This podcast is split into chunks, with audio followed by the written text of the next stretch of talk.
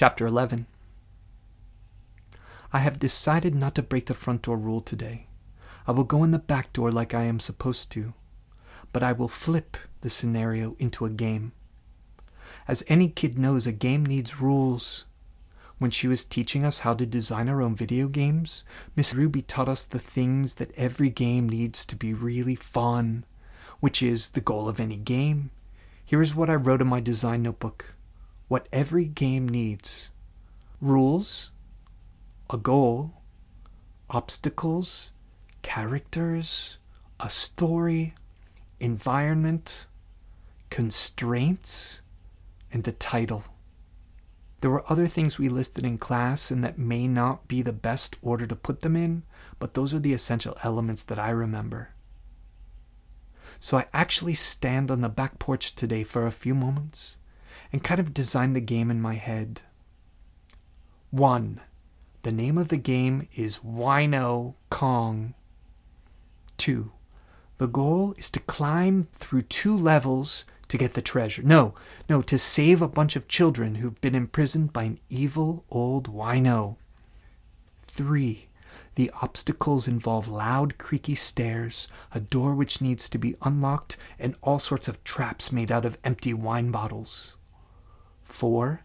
The characters are the evil old wino witch, her 14 ferocious house cats, and me, the player, a young troublemaker who has just been expelled from school unfairly by an evil vice principal.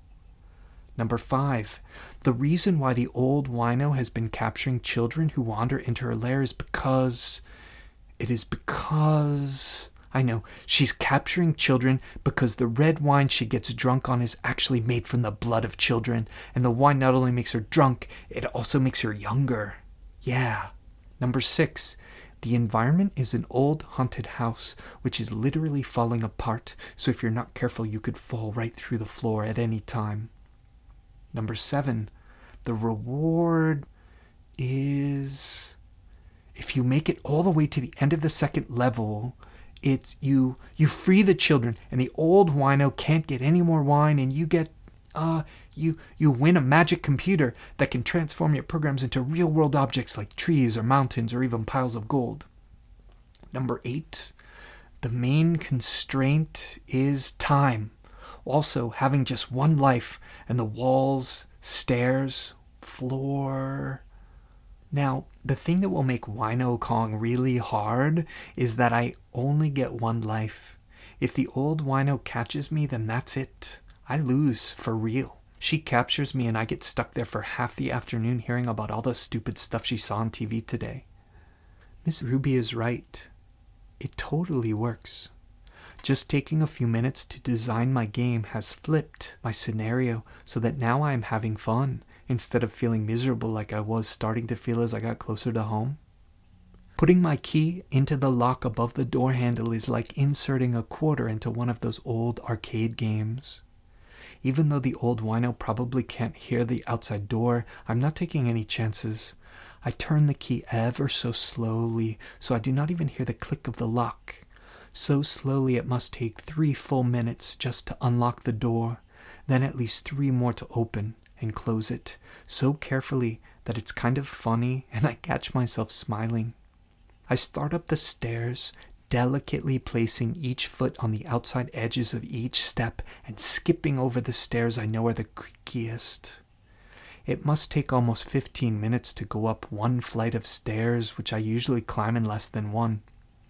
I'm practically congratulating myself when I land on the second to last step and it gives a loud creak I instantly freeze and even hold my breath, listening, waiting to find out if I've blown it before finishing the first level of the game. I wait one minute, two minutes, three, until I'm sure the creaky stair hasn't alerted the evil old wino witch.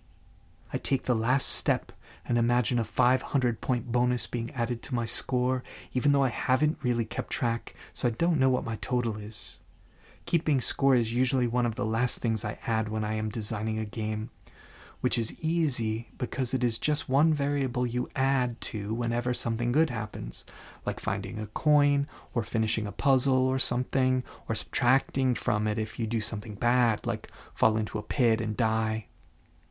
I rest for a bit at the top of the stairs because it is actually tiring to move this slowly.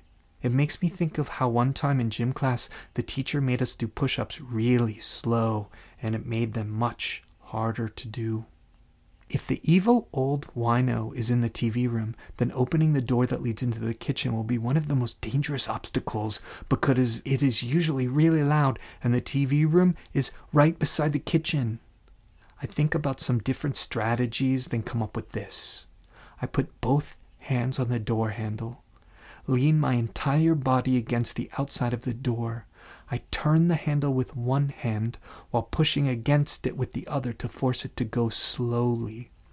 Once the handle is turned all the way, I keep my body pushing against the door while super slowly lifting and pulling it open.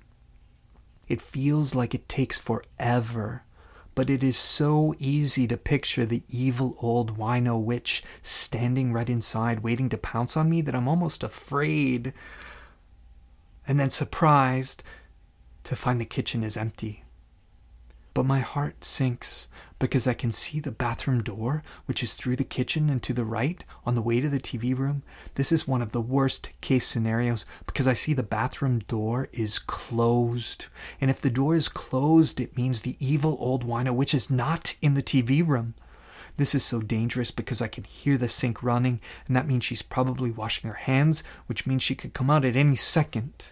If I can see the bathroom door through the kitchen, that obviously means she can see me, which means I will be captured for sure, which means I will lose the game for real. I had been planning to carefully sneak through the kitchen, into the dining room, under the tables, and along the far walls so I could hide in case the evil old wino witch came out of the TV room. But now I decide to throw out that strategy. Instead, I close the kitchen door behind me as quietly as I can, then sprint through the messy kitchen, past the large cluttered dining room table I'd never seen any dining happen on, into the front hallway where the front stairs would have brought me ages ago if it was not for the front door rule. I race past Mr. Granite's office door, I mean, the evil old wino wizard's secret laboratory, and bound up the stairs to the third floor past the open door into the master bedroom, which always lets out this smell that's a mix between pine trees and some exotic kind of perfume. I quickly open the door opposite their bedroom, rush through, and slam it closed behind me. I do not even take a moment to savor my victory over level one, for as I drop my backpack and flip on the light switch, my mind immediately abandons the game and just feels grateful for having evaded the evil old wino witch.